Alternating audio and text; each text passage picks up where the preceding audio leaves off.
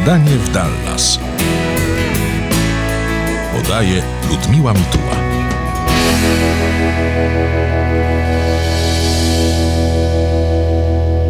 W śniadaniu w Dallas witamy Klaudię Aguilera z Wenezueli, z wyspy Margarita. Czy dobrze wymieniłam Twoje imię i nazwisko, czy, czy to nie jest pełne?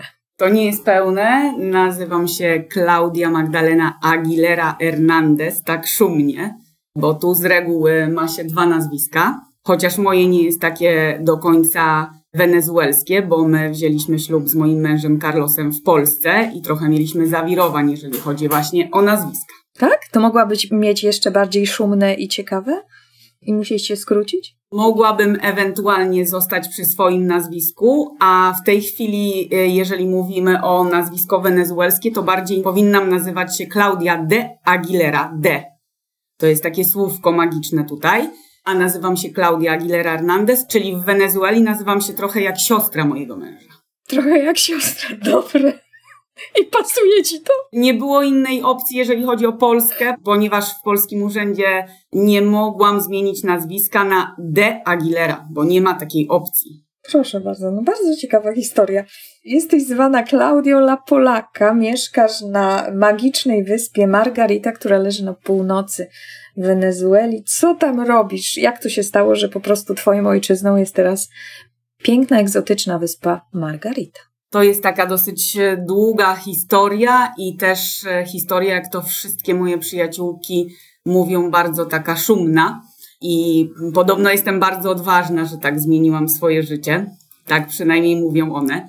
Ja 15 lat temu po raz pierwszy przyleciałam na Margaritę na wakacje. I powiem szczerze, że w pierwszych trzech dniach nawet ona mi się do końca tak nie bardzo podobała, bo byłam e, świeżo po upieczonych wakacjach na Dominikanie i tam jest tak bardziej bajkowo, bardziej bajecznie można by powiedzieć. Ale po tych trzech dniach zobaczyłam, że tutaj jest coś też takiego, jakaś magiczna energia. Stąd też moja magiczna wyspa Margarita. Ludzie, smaki, jedzenie, e, wszystko, co tutaj zaczęłam poznawać, po prostu bardzo mi się podobało. Potem były kolejne wakacje, kolejne wakacje. I tak jak ja zawsze mówię, najpierw zakochałam się w Margaricie, a później zakochałam się w Margariteńczyku, czyli moim mężu Carlosie. Piękna historia. Pochodzisz z Sopotu, skończyłaś Uniwersytet Gdański, tak? Tak, dokładnie. Sopot zawsze w moim sercu to jest moje miejsce w Polsce, zdecydowanie. Ja zawsze mówię, że Sopot jest najpiękniejszym miastem w Polsce, ale oczywiście ja wiem, że każdy, każdy Polak ma swoje miejsce w Polsce najpiękniejsze, więc z tym nie będę tutaj się dyskutować o tym. Natomiast zdecydowanie moje miejsce na ziemi uważam, że jest to Margarita w Wenezueli. No dobra, no nie da się uciec od Margarity. nie da się uciec. Jak to zawsze mówię tutaj po hiszpańsku, że jestem Polką, ale moja dusza jest margaritańska. No dobrze, dojdziemy do tego, co takiego kochasz w tej Margaricie. E, Margarita e, to Wenezuela, piękny kraj. Na pocztówkach wygląda jak raj, jest egzotyka, są palmy, e, są wodospady, są rzeki, plaże. Wiem, że moi znajomi zawsze marzyli o wyjeździe do Wenezueli na kilkuletni kontrakt. W tej chwili troszeczkę się zmieniło. Jak wygląda życie w Wenezueli w tej chwili na Twojej wyspie Margaricie? Czy widzisz jedno i drugie? ten raj, ale również i, i ten kraj, który ma jakieś problemy w tej chwili, nie jakieś nawet. Tak, zdecydowanie, zdecydowanie mówiąc o Wenezueli, trzeba pamiętać zawsze o tym. Ja zawsze mówiłam, że to jest rajski kraj, rajska wyspa, trochę dzika, dzika przyroda. Generalnie jest tutaj pięknie, dla mnie pięknie, ale Margarita właśnie taka jest. Albo się w niej zakochasz, albo tu przyjedziesz tylko raz. I to jest kwestia personalnego odbioru i zdecydowanie z tym nigdy nie można dyskutować. Jesteśmy w tej chwili w trakcie przemian, przemian ekonomicznych. Podstawą Margarity jest turystyka. I w tej chwili ta turystyka zaczyna wracać bardzo na Margaritę. Nie tylko jest to kwestia ekonomiczna, też jest to kwestia pandemii.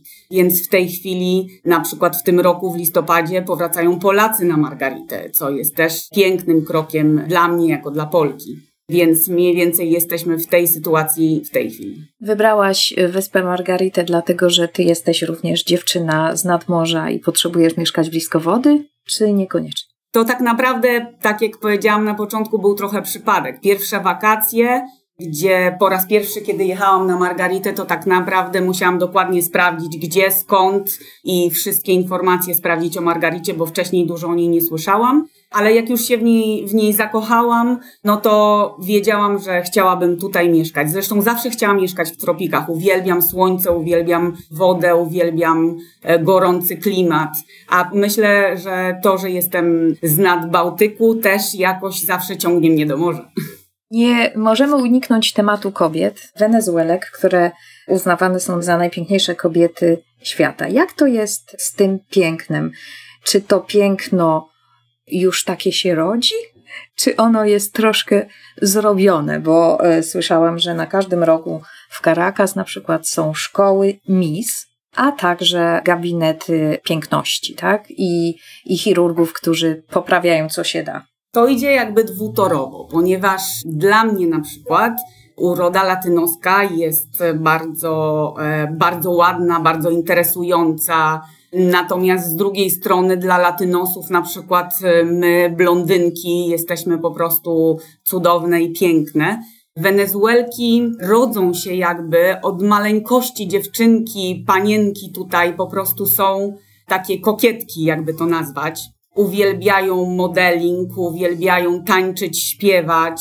To widać na każdym e, kroku tak naprawdę, ale nie da się pominąć tej kwestii operacji plastycznych. Zdecydowanie też e, Wenezuelki uwielbiają operacje plastyczne.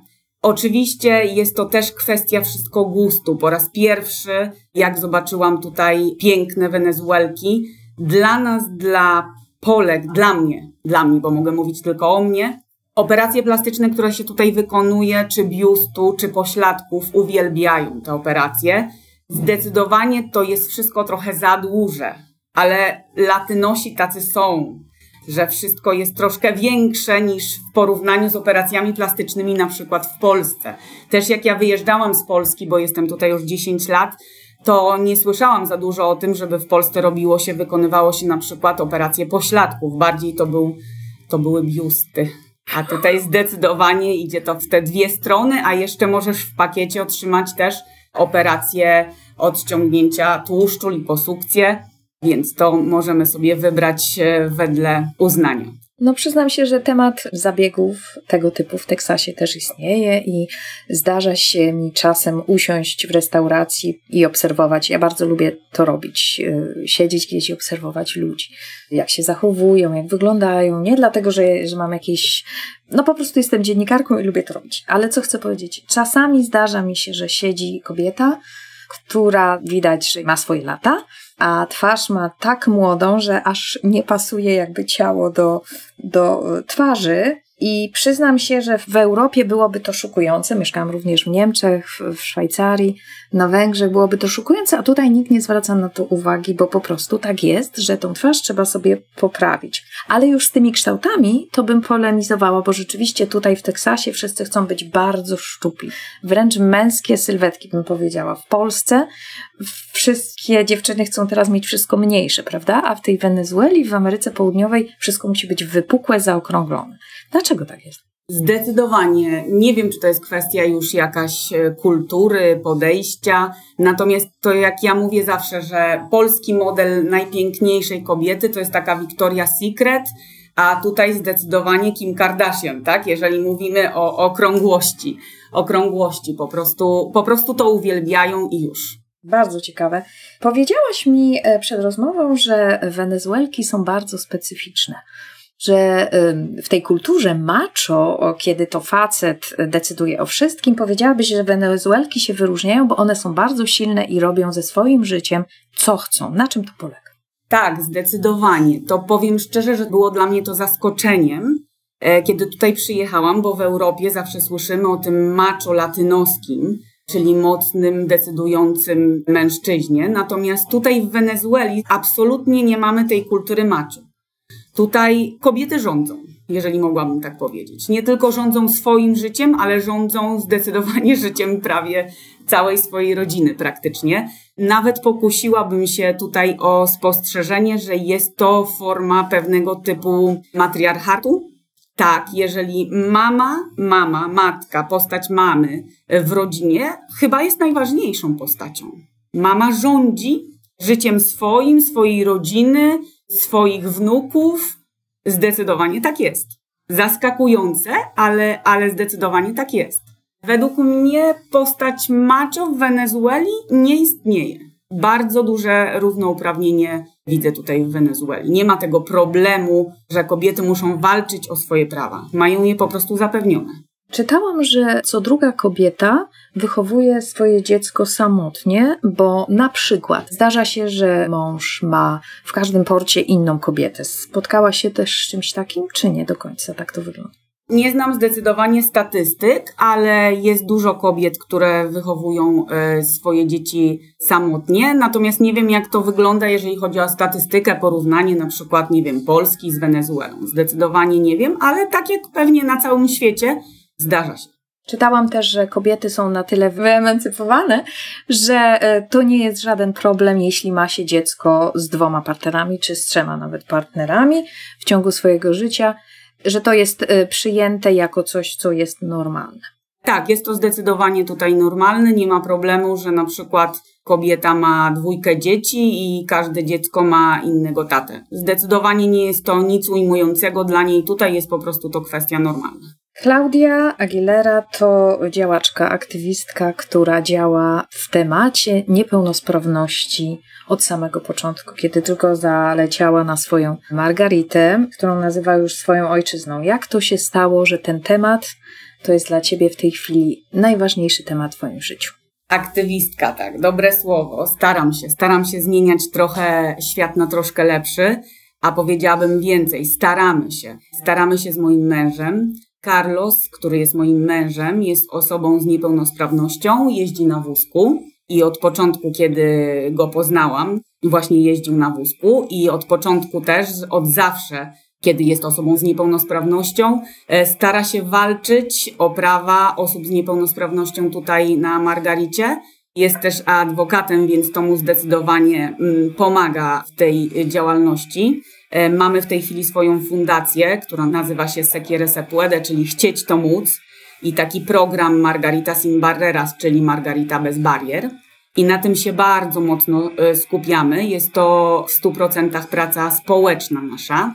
Próbujemy wyedukować ludzi, wyedukować instytucje, wyedukować firmy prywatne, państwowe, zmienić świadomość, świadomość tutaj na Margaricie że osoba z niepełnosprawnością jest tak naprawdę pełnosprawna. Wszystko zależy od tej energii, od tego, jak będziemy spełniać tutaj wszystkie y, prawa i wszystkie normy, jeżeli chodzi o dostępność na przykład.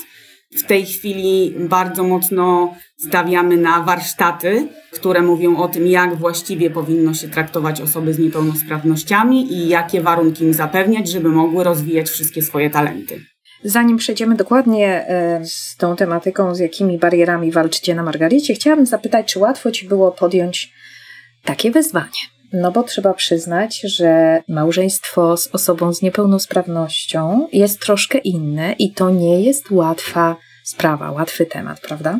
Powiem Ci tak, żeby było jeszcze bardziej ciekawie, to ja nigdy wcześniej w swoim życiu nie miałam styczności z żadną osobą, chyba z niepełnosprawnością, a na pewno z żadną osobą, która porusza się na wózku. Ale miłość czyni cuda. Co tu więcej powiedzieć? Po prostu z miłością możesz przenosić góry i robić wszystko, więc chyba na tym to się skupia. Poza tym mój mąż jest osobą bardzo aktywną, to on gotuje, to on zmywa w domu, więc tak, więc to nie jest taki właśnie nad tym staramy się pracować, przełamywać te stereotypy.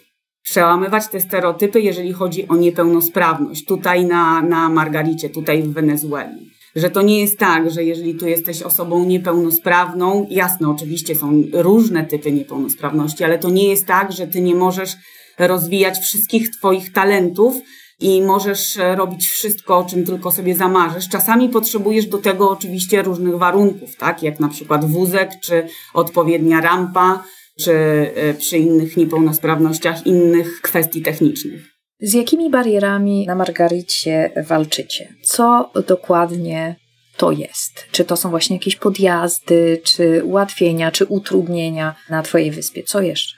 Praktycznie powiem Ci, że walczymy o wiele rzeczy. Na początek zdecydowanie jest to zmiana świadomości, tak? Czyli przełamywanie tych stereotypów i sprawianie, aby wszystkie prawa, bo tu jest bardzo dużo praw i norm, które chronią osoby z niepełnosprawnością. Problem jest bardziej w tym, że one nie do końca są spełniane. I nie tylko przez instytucje, ale też przez firmy prywatne, więc zdecydowanie z tym na początek walczymy. Czyli są to, na pewno jest to transport, który musi się zmienić, bo bardzo mało autobusów ma rampy są to podjazdy, czyli właśnie mm, dostępność w różnych miejscach. No i wielkie nasze marzenie, żeby na tej pięknej turystycznej Margaricie powstała pierwsza plaża, która będzie dostępna w 100% dla osób z niepełnosprawnościami. W tej chwili jak to wygląda? Nie można wjechać na plażę? W tej chwili na Margaricie niestety nie mamy jeszcze żadnej plaży w 100% dostępnej. O, to jest smutne. Tak, tak, zdecydowanie, ale, ale to myślę, że w krótkim, w krótkim czasie się zmieni, bo naprawdę działamy bardzo aktywnie.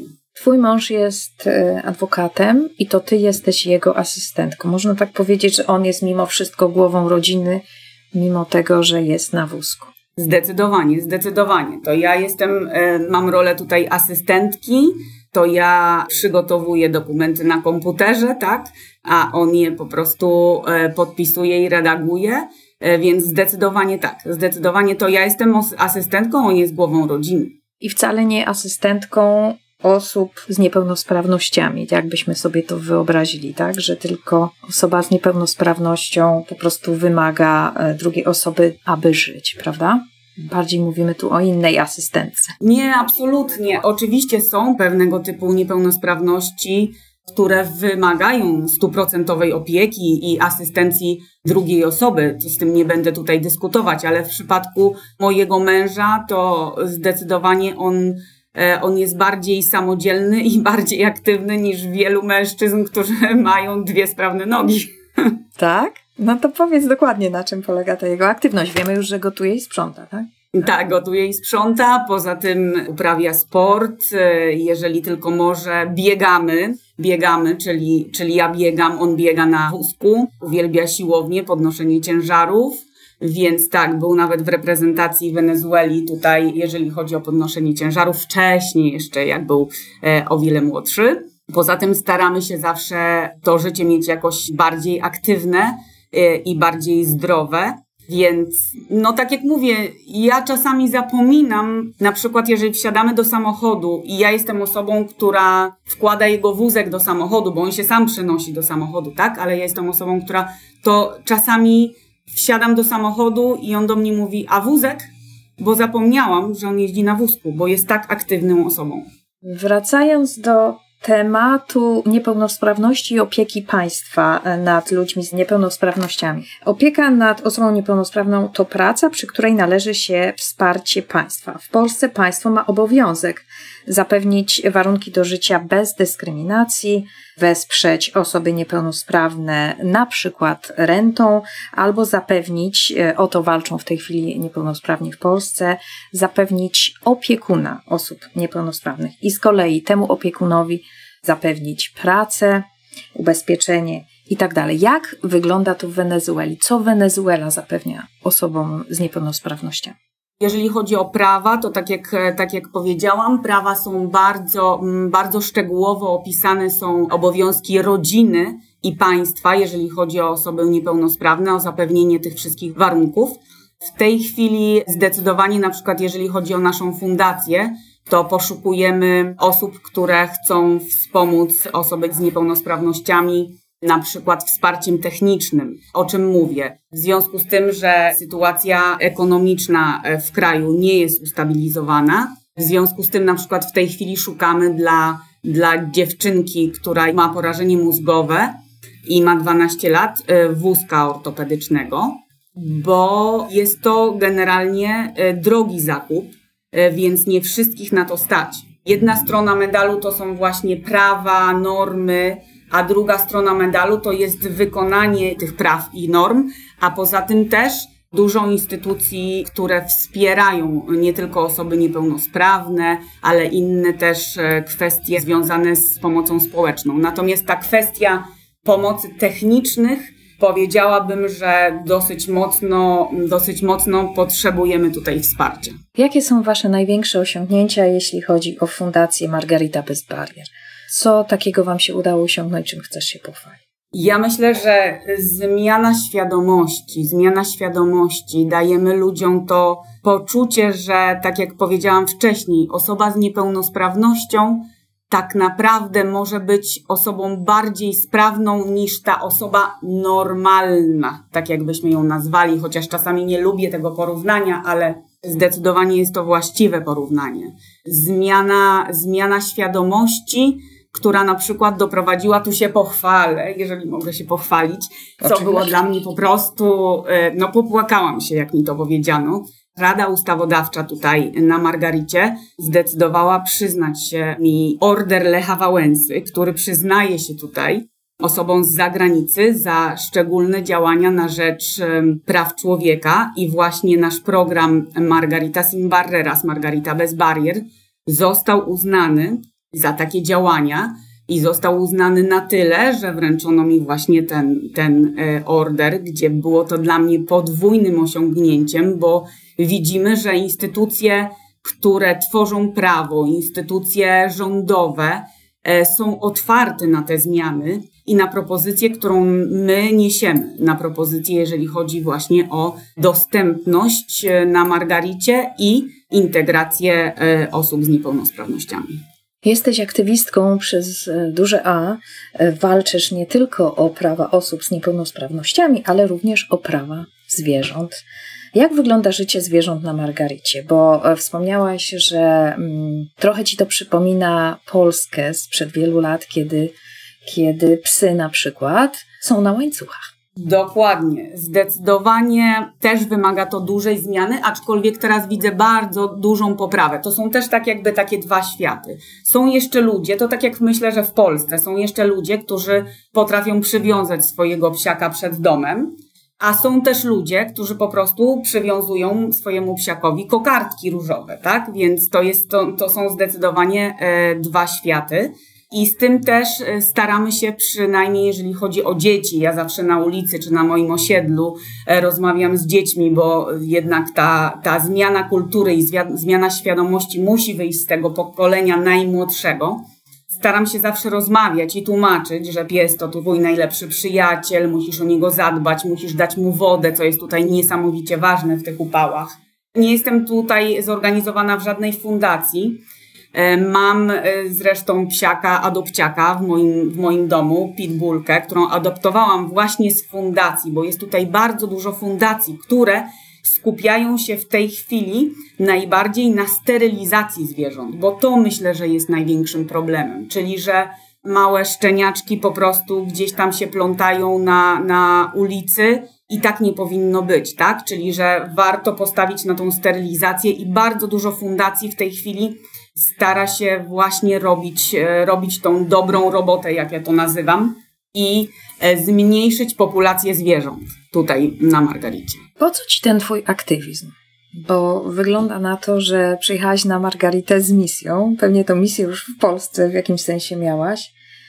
Czy już się taka urodziłaś, czy, czy to wszystko wyszło w praniu? To chyba trzeba by zapytać moich przyjaciół, mojej rodziny, czy się taka urodziłam. Ja myślę, że ja działam aktywistycznie więcej na Margaricie niż robiłam to w Polsce.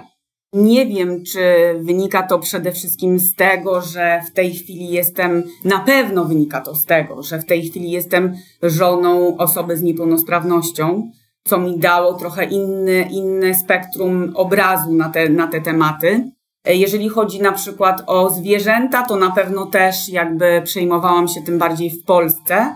I również tutaj staram się zawsze mieć jedzonko dla psiaków w samochodzie i wodę, tak jak podkreślam, że tutaj jest to bardzo ważne. Ale zdecydowanie na Margaricie, nie wiem, czy to kwestia przyjścia też z wiekiem, jakiegoś takiego, e, takiej potrzeby zmieniania świata na trochę lepsze, powiedziałabym. Hm, Mam to samo, mam to samo. Ale jak to mówią w Stanach też wiek to, to tylko numer.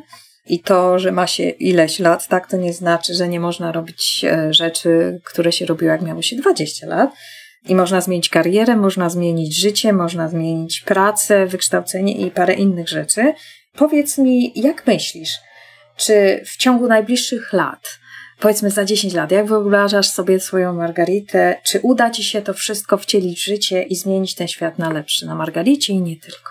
Powiedziałabym, że jestem pewna, że ja już widzę zmiany, bo świadomość to jest pierwsza, pierwszy wielki krok i edukacja to są dwa pierwsze ogromne kroki do tych zmian, bo jeżeli zmienimy właśnie tą świadomość, to potem to już przyjdzie wszystko o wiele łatwiej przyjdzie wszystko zdecydowanie o wiele łatwiej. I jeżeli zapewni się tutaj na Margaricie dostępność dla wielu osób z niepełnosprawnościami i jeżeli faktycznie same osoby z niepełnosprawnościami, bo to jest czasami też problem, że sama osoba z niepełnosprawnością czasami nie wierzy w siebie, tak?